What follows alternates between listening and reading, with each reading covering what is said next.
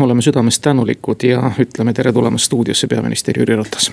tervist, mina olen tänulik, et on võimalus siin olla ja kõike head Kuku raadio kuulajatele tänulik seetõttu, et täna on olnud üks väga tõsine valitsuse kabineti nõupidamine, ennelõunased otsused puudutavad mitmeid rahaeraldisi reservist eh, hooldekodude tööjõu katmiseks, pluss veel ka koroonaviiruse tõttu elu kaotanud Narvi arst, Narva arsti perekonna toetamiseks.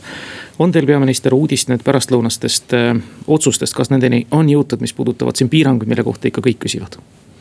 Jah, et äh, me oleme tõesti võtnud selle suuna, et kui on Covid üheksateist sisse löönud hooldekodudesse, siis see loomulikult tähendab hooldekodu jaoks automaatselt suuremat tööjõukulu. Äh, aga see tähendab ka isikukaitsevahendite suuremat kulu ja me oleme otsustanud seda, et kui vastav riskiplaan koostatakse, see sotsiaalministeeriumiga üle vaadatakse, et siis me neid äh, kompensatsioone siis oleme valmis maksma. Ähm, vabariigi valitsuse reservist ja täna hommikul oli samamoodi siis suurusjärgus, ma arvan, on see summa sada seitse tuhat nendele hooldekodudele, kes äh, seekord olid siis, siis laual. teine on väga kurb sündmus, väga kurb juhtum kus on üks Eesti tubli, äh, väärikas äh, arst Narva haiglast jätnud oma elu Covid-19 tõttu, väga sügav kaastunne tema lähedastele.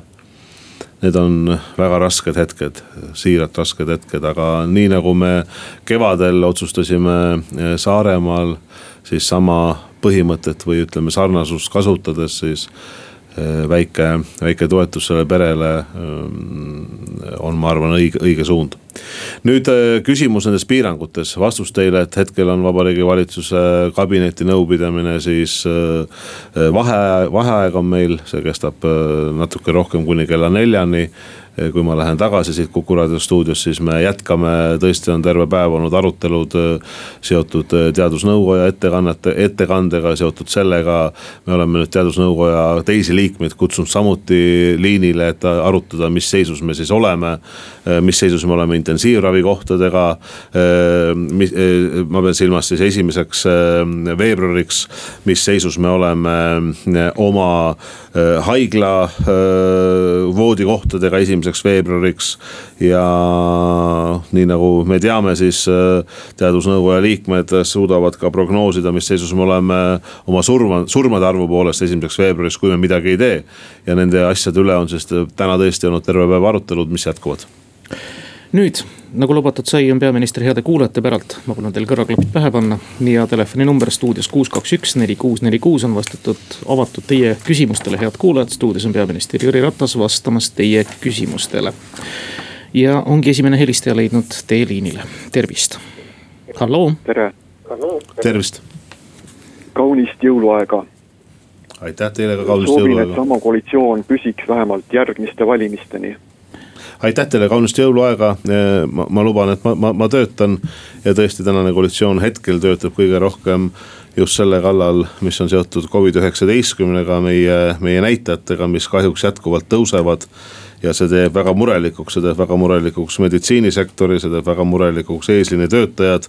ja me näeme, et haigestumine toimub igal pool, me oleme kõik lihast ja luust inimesed. haigestumine toimub ka meditsiinipersonali osas, nii et äh, selge on see, et teatud samme siin vaja astuda on.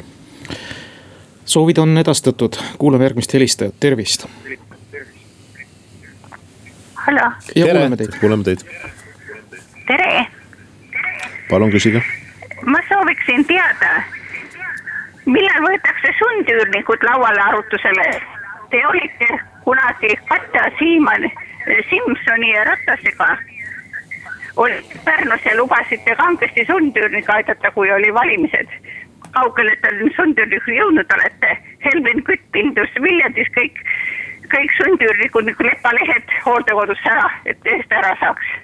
ja me oleme see, kes ootame lahendust aitäh, proua. aitäh teile küsimuse eest, et ma arvan, et äh, sundüürnike küsimusega on liigutud viimase kahe-kolme aasta jooksul äh, palju kiiremini kui ütleme siis viimase kahekümne üheksa või kahekümne kuue aasta jooksul ennem seda ja on äh, tehtud selline andmebaas. hetkel see ei ole nüüd enam Jaak Aabi vastutusalas, kuna Jaak Aab on nüüd haridus- ja teadusminister, aga see on nüüd riigihaldusminister Anneli Ott, kes nende teemadega edasi tegeleb kuus, kaks, üks, neli, kuus, neli, kuus, ootame uusi helistajaid ja saatesse sekkujaid. stuudios on peaminister Jüri Ratas, tervist. ja tervist. ja soovin kõigepealt äh, Jüri Ratasele häid jõule ja kõige tähtsam, et tervist ja, ja ühinen ühe eelpool helistajaga, et, et teie koalitsioon jätkuks nii järgmiste valimisteni kui ka siis edaspidi Eesti kõige parem valitsus praegult. Mis ma üldse näinud olen, olen pensionär ja nüüd küsimus. selle teise pensionisamba vabaks laskmisega räägiti alguses, et need inimesed, kes on pensioniikka või sellele lähedale jõudnud seal kolm aastat pensionist või, või siis vahetult pensionile jäävad, enne kui see, nad oma seda teist sammast vabalt kasutada saaksid et nende noh, tulumaks on väiksem, et ühel juhul räägiti kümnest protsendist ja ühel juhul, kui inimene on päris pensioniealine, siis hoopis null protsendist. see on tulumaksu kohta, kui see raha välja võtta. praegult ei ole pikalt sellest midagi mainitud, räägitakse ainult kahekümnest protsendist et kas saaksite selgust tuua, aitäh. ja aitäh teile selle küsimuse eest, tõesti, see on nii, et kui nüüd äh, võetakse see, need vahendid äh, välja enne, kui, kui me jääme pensioniikka, siis tõesti on see nii, nagu te ütlete, see on kakskümmend protsenti. kui seda teha nüüd pensionieas, siis need äh, tulumaksuprotsendid on teistsugused ja ma kindlasti annan selle info edasi. ma püüan seda täna oma sotsiaalmeedia postituses teha ja tuua kõik punktuaalselt välja, nii et ma ei tea, kas teil see võimalus on või ei ole lugeda sotsiaalmeediat. kui ei ole ole, siis äh, ma ei küsi siin otse-eetris, aga võib-olla peale seda saadet on võimalus saada teie, äh, teie aadress ja ma kindlasti annan punktuaalse info, detailse info teile edasi kuus, kaks, üks, neli, kuus, neli, kuus, ootame uut helistajat liinile, stuudios on peaminister Jüri Ratas, kes siis vastab küsimustele. ja katsume siis ka jooksvalt võib-olla aidata peaministrit nende küsimustega, millele kohe siit vastust võtta ei ole. kuulame helistajat, tervist tere, ma paluks väga konkreetselt, millal hakatakse vaktsineerima näiteks Tartu hooldekodus, kus ma olen ka nõusoleku väga raske inimesele andnud, kui ainult üheksa tuhat seitsesada vaktsiini tuleb. ja ma tahaks väga, sest kogu aeg kuulen ikka esimeses ja riskiga inimene pole kolm aastat saanud rääkida meiega. ja peaaegu aasta on hooldekodu kinni juules, noh selle koroona pärast, juulis oli siis paar külastust oktoobri lõpus ja täiesti on kinni, aga just on ka selliseid inimesi, kes aru saavad ja pole kolm aastat saanud kõnelda ega kokku saada. okei okay., nii et paluks just, et millal tuleb just hooldekodu esimesed vaktsineerimised kohe mm. täpselt. aitäh, hea küsija, see, mida te küsite, ma tean väga hästi, mida te tunnete igapäevaselt täpselt, ma, ma, ma tean, mis te tunnete ja kui inimene ei saa rääkida ja ta on hooldekodus ja lähedased tahavad vaatama minna ja loomulikult tema tahab lähedasi vaadata ja nii nagu te ütlete, et ta saab väga hästi aru, mis maailmas toimub ja adub seda väga hästi. hooldekodude vaktsineerimine on tõesti meil kavas esimese, esimeses etapis, kõigepealt on meditsiinitöötajad. ma pean silmas siis haiglad, kui me räägime nüüd hooldekodudest, teie, ma saan aru, küsite eeskätt hooldekodude patsientide osas. nii et hooldekodud on põhimõtteliselt esimene etapp, kui on haiglatöötajate vaktsineerimine tehtud, neid on Eestis hinnanguliselt selles esimeses etapis kakskümmend viis tuhat inimest. peale seda see asi minu meelest peaks liikuma tõesti hooldekodudesse. me loodame väga, et me suudame seda teha aasta esimestel kuudel. ma pean silmas jaanuar-veebruar ja vahepeal sain ka vastuse sellele pensioni küsimusele, et tõepoolest, kui inimene on juba pensionieas ja tal kindlustusfirmast see raha jookseb. selleks, et täisulatuses seda raha välja võtta, see maksustatakse soodusmääras tulumaksuga kümme protsenti. aitäh saatejuhile. kuulame järgmist helistajat, tervist. tere päevast ilusat jõuluaja algust, härra peaminister. aitäh teilegi ilusat jõuluaja algust. jõulurahu teile ja rõõmu noh, rahu ma proovin leida, rõõmu on vähe. ega meil on Eestis ka teine haigus, mille nimi on vähk. Äh, ütleme siis niimoodi, et mind opereeriti kümnendal juunil. Äh, siis ma pidin elama kakskümmend üheksa päeva saja viiekümne euroga, enne kui mul tehti, mulle mõisteti osaline töövõimetus. see on siis kakssada viiskümmend eurot noh, vähihaigena, kellel on ju teatud toiduained keelatud, kui ta ellu tahab jääda. Äh, vahel öeldes äh, arstide ennustus on kaheksakümmend, kakskümmend vähi kasuks. mina olen muidugi kardinaalselt teisel arvamusel. mingi, mingi, mingi, mingi seitsmekümnene euro toetus tuleb vallalt sellega on väga raske hakkama saada. Ja äh, vähe sellest, siin paar tuttavat või keda ma olen kuulnud, kellel on kolm näppu ära, on äh, samamoodi osalisel töövõimetusel. et siin tekib nagu väike nagu, nagu vähe ebaselge asi, et nagu tööd teha ju ei saa, vähemalt aasta aega. et kas on, kas on mingeid lahendusi või on riigil plaanis sellist eh, nagu vaadata ka, kellel on vähk, kellel on surmavaigus, kellel on lihtsalt kaks näppu otsast ära, siin peaks olema loogiliselt võttes mingi ka toetusraha vahe. või kas riigil on plaanis ka neid toetusrahasid tõsta, sest hinded on ju tõusnud pidevalt toit läheb kallimaks ja kõik muud asjad lähevad kallimaks, aga see toetusraha on ikka samal tasemel. ega ma rohkem ei oskagi küsida, aga ma nagu. see oli tõsine küsimus, aitäh. jah jah, kindlasti ma kõigepealt äh, soovin isiklikult teile äh, tugevat tervist ja, ja paranemist, loomulikult on vähk äh, kahjuks väga laialdaselt levinud, mitte ainult Eestis, vaid kogu maailmas ja kindlasti tegemist on väga väga raske, väga raske äh, haigusega, aga äh, ma tunnetasin teie jutus ka sellist positiivset nooti selles mõttes. et vähk on ka ravitav, loomulikult see on väga oluline, kuidas iga haige, iga patsient, kuidas tema usk on, kuidas ta vaimselt vastu peab, mis on kindlasti väga-väga keeruline. aga kindlasti tuleb ka siin öelda meie meditsiinisüsteemile suur tänu, kes kogu aeg areneb edasi ja kes tegelikult annab seda võimalust, just seda protsenti, mis te ütlesite, et terveneda ma usun, et see kasvab aasta-aastalt. nüüd ma olen täiesti päri, et kui inimene on äh, töövõimetustoetuse peal, peal, kui vaatame seda päevamäära, siis loomulikult äh, ei saa öelda, et see on piisav ja, ja see, see, et tõsta erinevaid sotsiaaltoetusi, ma arvan, et on olnud eh, pidevalt soov ja nii palju, kui on riigil võimalus olnud seda teha, on seda ka tehtud. aga, aga selge on see, et see ei ole piisav. see ei ole piisav, nagu te ütlesite, et on, on neid kohalikke omavalitsusi, kes aitab, kes aitab ravimite ostmisel, kes aitab mingi muu toetusmääraga.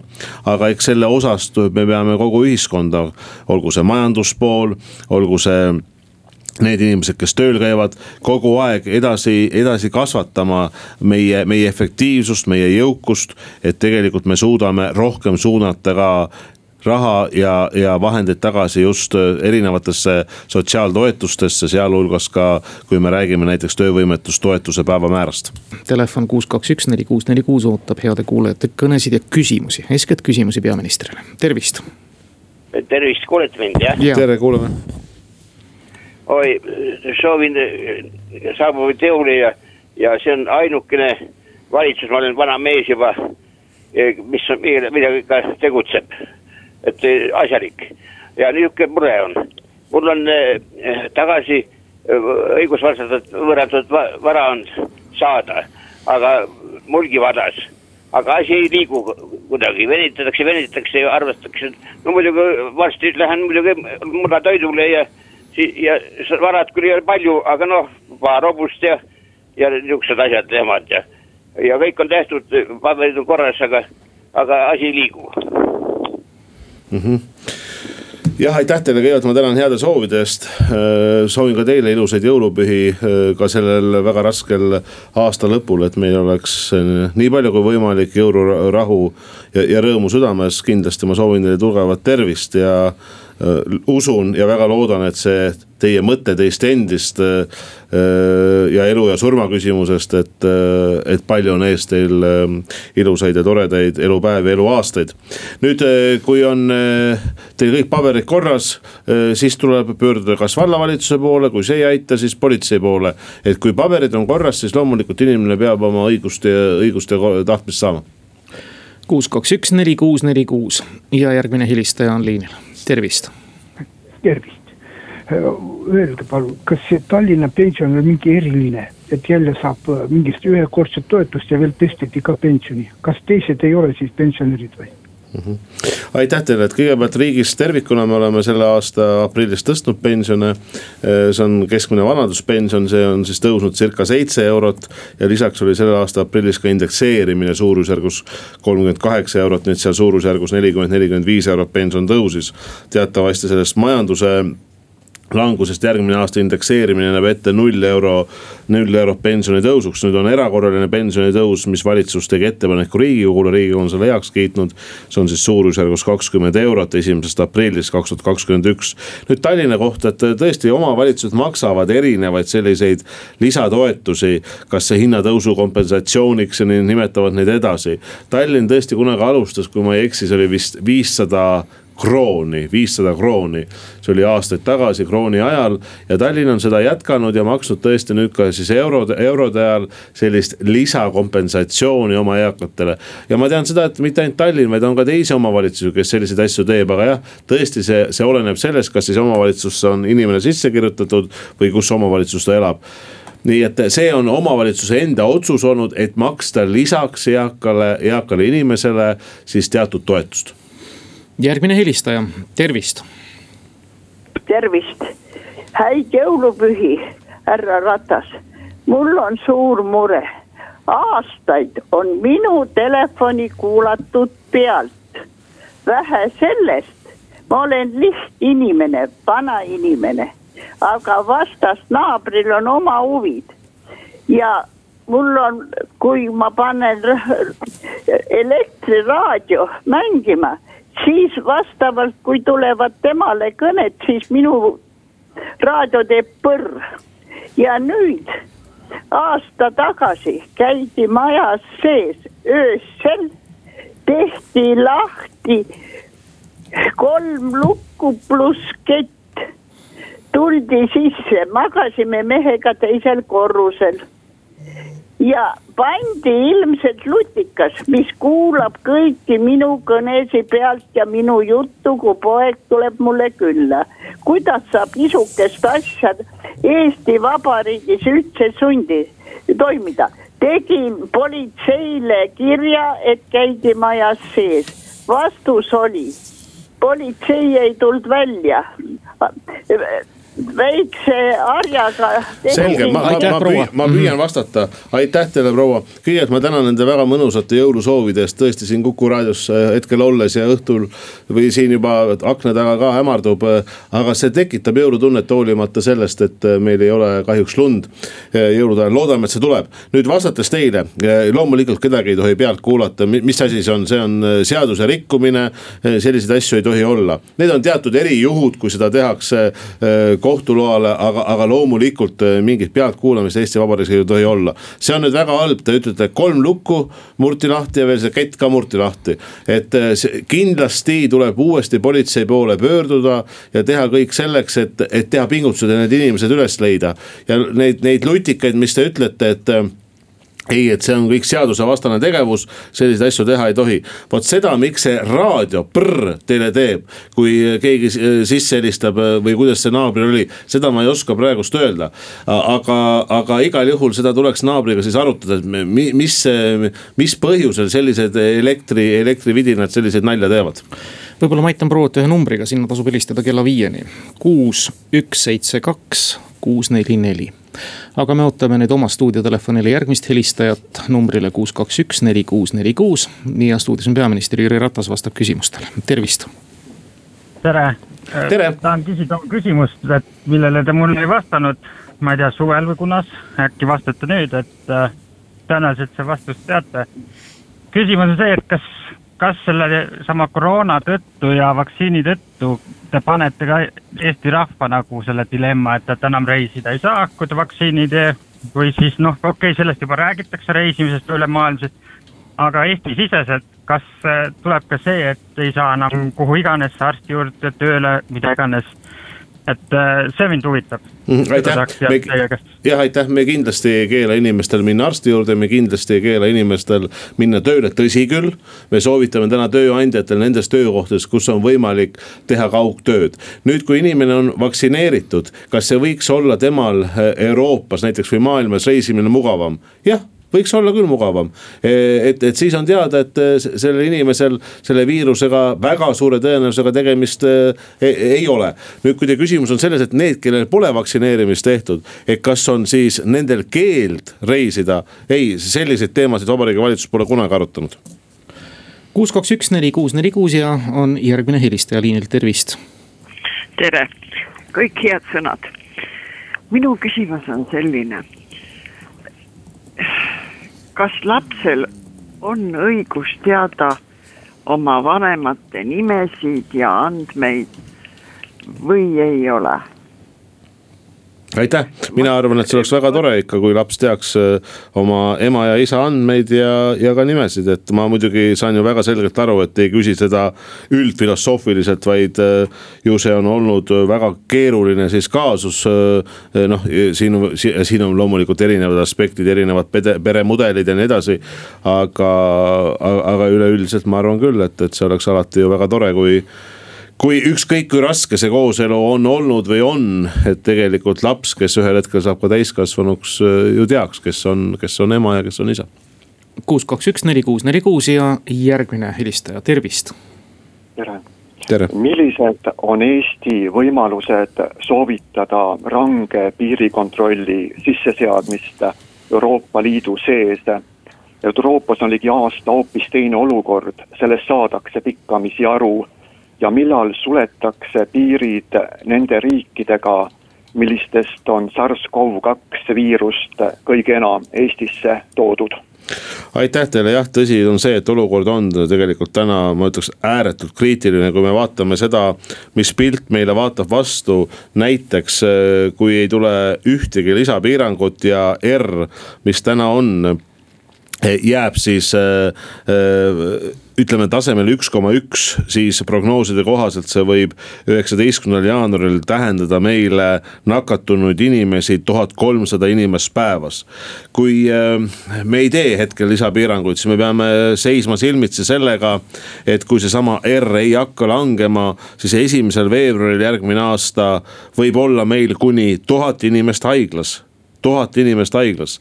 nii et minu meelest me peame sellega väga tõsiselt tegelema, et seda R-i, seda nakatumise koefitsienti alla saada. et ta oleks maksimaalselt üks, aga veel parem, kui ta läheks alla ühe. sellega on täna äh, valitsus koostöös teadusnõukoja, terviseametiga tegelenud ja tegeleb ka edasi. nüüd piiride küsimus, me peame tegelikult ütlema ausalt ju, ega piiridel väga enam liikumist ei ole põhimõtteliselt turism on suletud ja, ja ega turistid täna väga enam ringi ei sõida. võtame kasvõi aasta lõppu, me teame seda, et Eesti on olnud väga populaarne koht näiteks Vene Föderatsiooni turistidele aasta lõpus. selge on see, et sellel aastal seda võimalust ei ole, näiteks kas Eesti inimene saab turistina minna Soome isegi kui ta on nõus olema seal neliteist päeva isolatsioonis, vastus on, et ei saa. nii et eh, põhimõtteliselt turismi jaoks on, on eh, piiriületus eh, kinni. nüüd või, või, või, või ütleme siis väga rangete ja väga selliste ebamugavate piirangutega, et lihtsalt inimesed seda ette ei võta. nüüd mina ei arva seda, et piirid tuleb täitsa kinni panna, sest et meil kauba, kaubavahetus peab jätkuma, majandustegevus peab jätkuma. teatud tööreisid nii või teisiti peavad jätkuma, nii et, et see on ka loomulikult oluline. nii et me ei näe täna seda seda, et, et võib-olla see peamine nakatumine tuleb väljast, vastus on, et ei tule. tegelikult me peame ütlema seda, et nakatumine levib laialt, igal pool, kõikjal Eestis perekondades, töökollektiivides ja meil on circa seal kolmkümmend kaheksa kuni nelikümmend protsenti nakatunutest. me hetkel ei tea tegelikult, kust nad on selle haiguse saanud. tere päevast tervist, mina tülitan uuesti, härra, härra Ratas, te ütlesite, et pöörduge politsei poole pöördusin politsei poolde, tegin avalduse, vastus oli, et vale süüdistus ja teid võib eh, karta panna või trahvida. teine asi, mind on mitu korda lubatud tappa, vastus tuli politseis, kui ei ole täide viidud, siis ei algatata midagi. proua, vabandust, kordan numbrit kuus, üks, seitse, üks, kolm, kuus, üheksa. kuulame järgmist helistajat numbrile kuus, kaks, üks, neli, kuus, neli, kuus. ootame siis kõnesid, stuudios on peaminister Jüri Ratas sel aastal viimast korda kokkukuulajate küsimustele vastamas, tervist. tervist. kuulame teid mul on selline küsimus, et äh, kui nüüd jaanuaris peaksid Ameerikas sündmused kuidagi eskaleeruma seoses presidendivalimiste tulemuste kinnitamisega ja peaks puhkema kodusõda, kas Eesti valib poole? aitäh aitäh teile, et äh, arvestades seda, et Ameerika Ühendriikide demokraatia, õigusriigi demokraatia on väga sügav ja väga tugev. siis Ameerika kindlasti saab oma asjadega hakkama. Eesti valib alati strateegiliste transatlantiliste suhete poole USA ja Eesti vahel ja tõsi, see koostöö on kasvanud ta on ka viimastel aastatel kasvanud, ta on olnud alati väga tugev meil julgeoleku kaitsepoliitikas. me näeme täna väga huvitavat algatust kolme mere initsiatiiv, viis, 5G-s, küberjulgeolekus. nii et Eesti alati töötab USA-ga strateegiliste eesmärk, strateegiliste suhete tugevdamise nimel. kuus, kaks, üks, neli, kuus, neli, kuus, telefon on taas helisenud. halloo. halloo, kuulete isegi jah? kehvasti, aga proovime aru saada. ma ei tea, mul telefonist õieti ei tööta. aga küsige ära. ma küsin kohe ära. hakkasin teie saadet kuulama, kui üks vanem proua küsis küsimuse sundüürnike kohta, mul sama küsimus mm. -hmm. aitäh teile, et äh, see, mis ma vastasin, et tõesti on nii, et rahandusministeeriumi, riigihaldusministri osa sealt sellega tegeleb, nagu ma ütlesin, andmebaas on loodud, sellega tuleb edasi töötada. ja Anneli Ott on täna riigihalduse minister, kes selle teemaga tegeleb, loomulikult koostöös ka Eesti Üürnike Liiduga. järgmine helistaja ja küsija, tervist. tere sooviksin küsida sellist asja, ma ei tea, kas seda on juba küsitud, aga mida arvab härra peaminister sellest, et Eh, mis terviseameti kommunikatsioonijuhiga juhtus, et peale, peale sellise avalduse tegemist ta töölt eh, vabastati, et kuidas sellesse suhtuda mm -hmm. ja soovin häid, häid pühi ja aasta lõppu. suur tänu teile ka ilusaid pühi ja, ja palju, palju rõõmu ja rahu.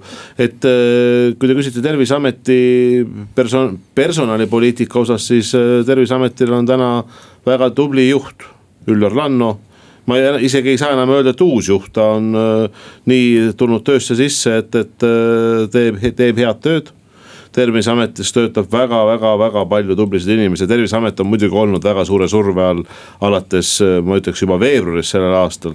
ja nad on saanud tublisti hakkama, seal on väga palju tubli, tublisid inimesi. see nüüd, kes teeb terviseametis kommunikatsiooni, avalikke suhteid, tõesti, see on terviseameti siseküsimus, see on terviseameti juhi küsimus.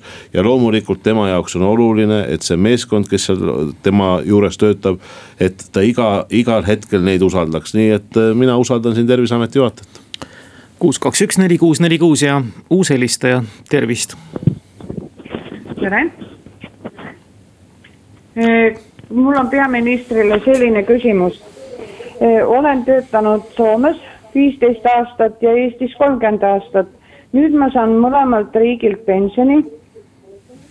ja mul on küsimus, et miks Eesti riik võtab minult Soome pensioni pealt nii palju nii palju maksu veel ma, ma arvan, et need on nagu nii isiklikud küsimused, et eh, mina ju täpselt teie, teie tingimusi ei tea, mis on olnud Soomes, eh, mis on olnud Eestis, siin anda üld, üldistusi nendes vastustes on, on ääretult keeruline, et. ma ütlen nagu ühelegi helistajale, et kui on teil võimalus, palun edastage see isiklikult minule, kas siis läbi sotsiaalmeedia, kas läbi e-kirja eh, või kirja teel. ja, ja ma kindlasti sellele vastan, et ma ma annan kindlasti teile detailse vastuse, aga, aga anda siin sellist üldist lähenemist äh, erinevates pensioniküsimustes, ma arvan, see ei ole õige, nii et ma tahaksin nende andmetega tutvuda ja siis ma saan kindlasti ka teile vastata kuus, kaks, üks, neli, kuus, neli, kuus ja on järgmine helistaja küsija liinil. tervist, mina soovin teada, kas kella keeramine äh, on nüüd lõpetatud? ja aitäh, ma arvan, et see põhimõte, et kella keeramine lõpetada on õige, küsimus on ainult selles, et kui kellakeeramine lõpetada, siis mis ajale eh, jääb, kas jäädakse suveajale või talveajale, nii et eh, seda ei ole ju otsustatud. see oli Euroopa Liidus üks eh, väheseid selliseid suuri algatusi, kus oli seal üle Euroopa üle miljoni, miljoni allkirja, kes andis oma, oma toetuse sellele, et kellakeeramine lõpetada. aga see ei ole lõplikult otsustatud, nii et jah, selle osas tuleb veel edasi töötada, isiklikult mina arvan, et tegelikult see kellakeeramine tuleks ära lõpetada ja tuleks teha koostööd selle nimel, et me suudaksime ikkagi oma ütleme geograafilise lähiriikidega jääda ühte, ühte ajatsooni.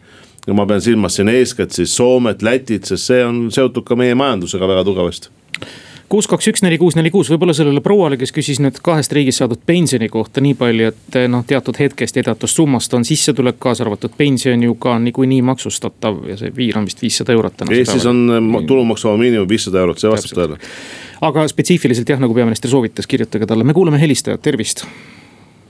tere õhtust, härra peaminister Jüri Ratas, mul on niisugune küsimus teile. Te kunagi kohtusite Bilderbergi klubiga, kus oli Rail Balticu küsimusel arutlus küsimus arutlusel, kas te peale selle olete veel Bilderbergi klubiga kohtunud mm? -hmm. see rahastab äh, Illuminaate, kelle eesmärgiks on tunduvalt vähendada maakera rahvastiku arvu. aitäh, küsimus oli selge. aitäh teile, jah, ma olen käinud äh, mitmeid kordi seal Bilderbergi kohtumisel. ausalt öeldes mulle küll ei meeldi, et me oleksime Rail Baltic ut seal arutanud ja ka selle rahastuse äh, eesmärk, mis te ütlesite, et ma ei ole seda mitte kunagi kuulnud seal, et see on see eesmärk. ja ilmselt tänane viimane helistaja on liinil, tervist. tere, et küsimus peaministrile on selline, et meil oli põhimõtteliselt kevadel võimalik üht-teist õppida sellest äh, pandeemiast ja paraku täpselt sama äh, kordub ju praegu sügisel, et äh, nii nagu kevadel Poola pani ennast lukku täiesti nii-öelda ette hoiatamata ja kõigi kiuste ja, ja läbirääkimisi praktiliselt oli võimatu teha selle riigiga, et äh, täpselt samamoodi pani nüüd pool maakera põhimõtteliselt Briti nagu lennud äh, kinni, ehk siis äh, paaniliselt kinni. kuigi see uus tüvi, mis seal justkui selleks põhjuseks sai, ehk uus tüvi, mis avastati, see on võetud septembri proovidest ja tänaseks on teada, et vähemalt seitsmes maas on sama tüvi juba sees. ehk siis sellel kinnipanemisel nagu ekstra mitte mingisugust mõtet ei ole tulemuseks äh, on ju see, et paljud inimesed, kes sealt kuskile saada tahtsid, äh, jõuavad ikka koju, aga lihtsalt oluliselt suurema ringiga ja vaevaga. et äh, kuidas te nagu selgitaksite seda, mis äh,, kes teile nagu selle nõu andis? et, et see Briti nii-öelda lennukite lendamise, otselendude nii-öelda asi kinni panna. ja teine küsimus on, et kas oleks saanud äh, suve jooksul Äh, rohkem ette valmistada teiseks äh, nii-öelda laineks. noh näiteks koolidesse panna siis igasugused äh, täiendavad ventilatsioonid, filtratsioonid, UV-lambid, no ilmselt see loetelu on päris pikk, laborites ju desinfitseeritakse kuidagi neid laboreid siis, kui inimesed seal sees ei ole Äh, vastavate vahenditega. et kas, kas midagi sellist äh, näiteks ei oleks õnnestunud äh, teha, kui oleks natukese olnud oidu rohkem ja oleks ka haridusminister oma tööd teinud suvel. Aitäh teile, kõigepealt see laborite näide ju see võrdlus ei pea üldse paika, et, et äh, me teame kõik, kuidas inimesed laborites käivad äh, ringi, need on äh, väga selged, karmid nõuded kaitseriietuses, kaitsevahendites, punkt üks.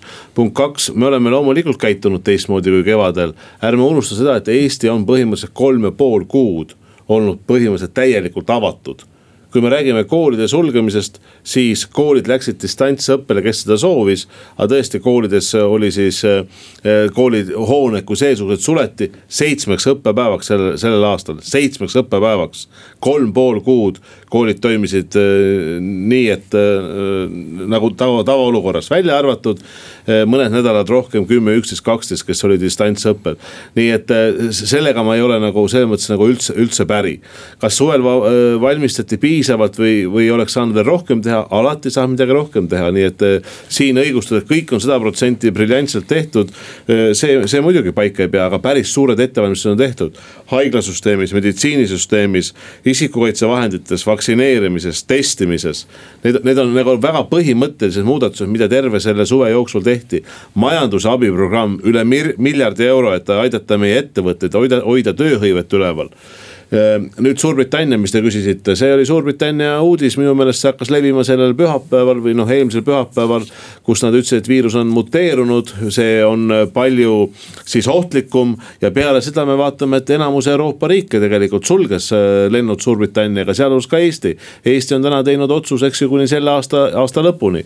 me oleme käitunud siin ühtselt äh, kolme Balti riigiga, ma arvan, et sellist ühtset joont peab hoidma, täna on komisjon tegelikult andnud välja, Euroopa Komisjon neliteist erinevat soovitust tegevust.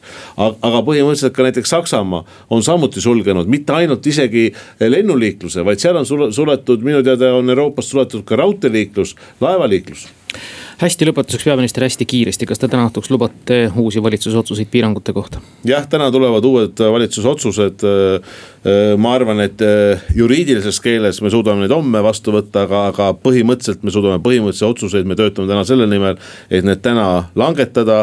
nii et me peame arvestama sellega, et kui me neid otsuseid ei, ei tee, siis see üks vastus just, mis ma andsin, me näeme seda, et kahjuks siis on inimesi rohkem haiglas, kahjuks siis on nakatunuid rohkem ja kahjuks siis on ka surmasid rohkem. aga kui tohib, siis ma tahaks öelda viimase lause, head Kuku raadio kuulajad, hea, hea saatejuht ja siin teie kollektiiv ja ametikaaslased, ma väga tänan selle võimaluse eest sellel aastal olla siin Kuku raadio stuudios.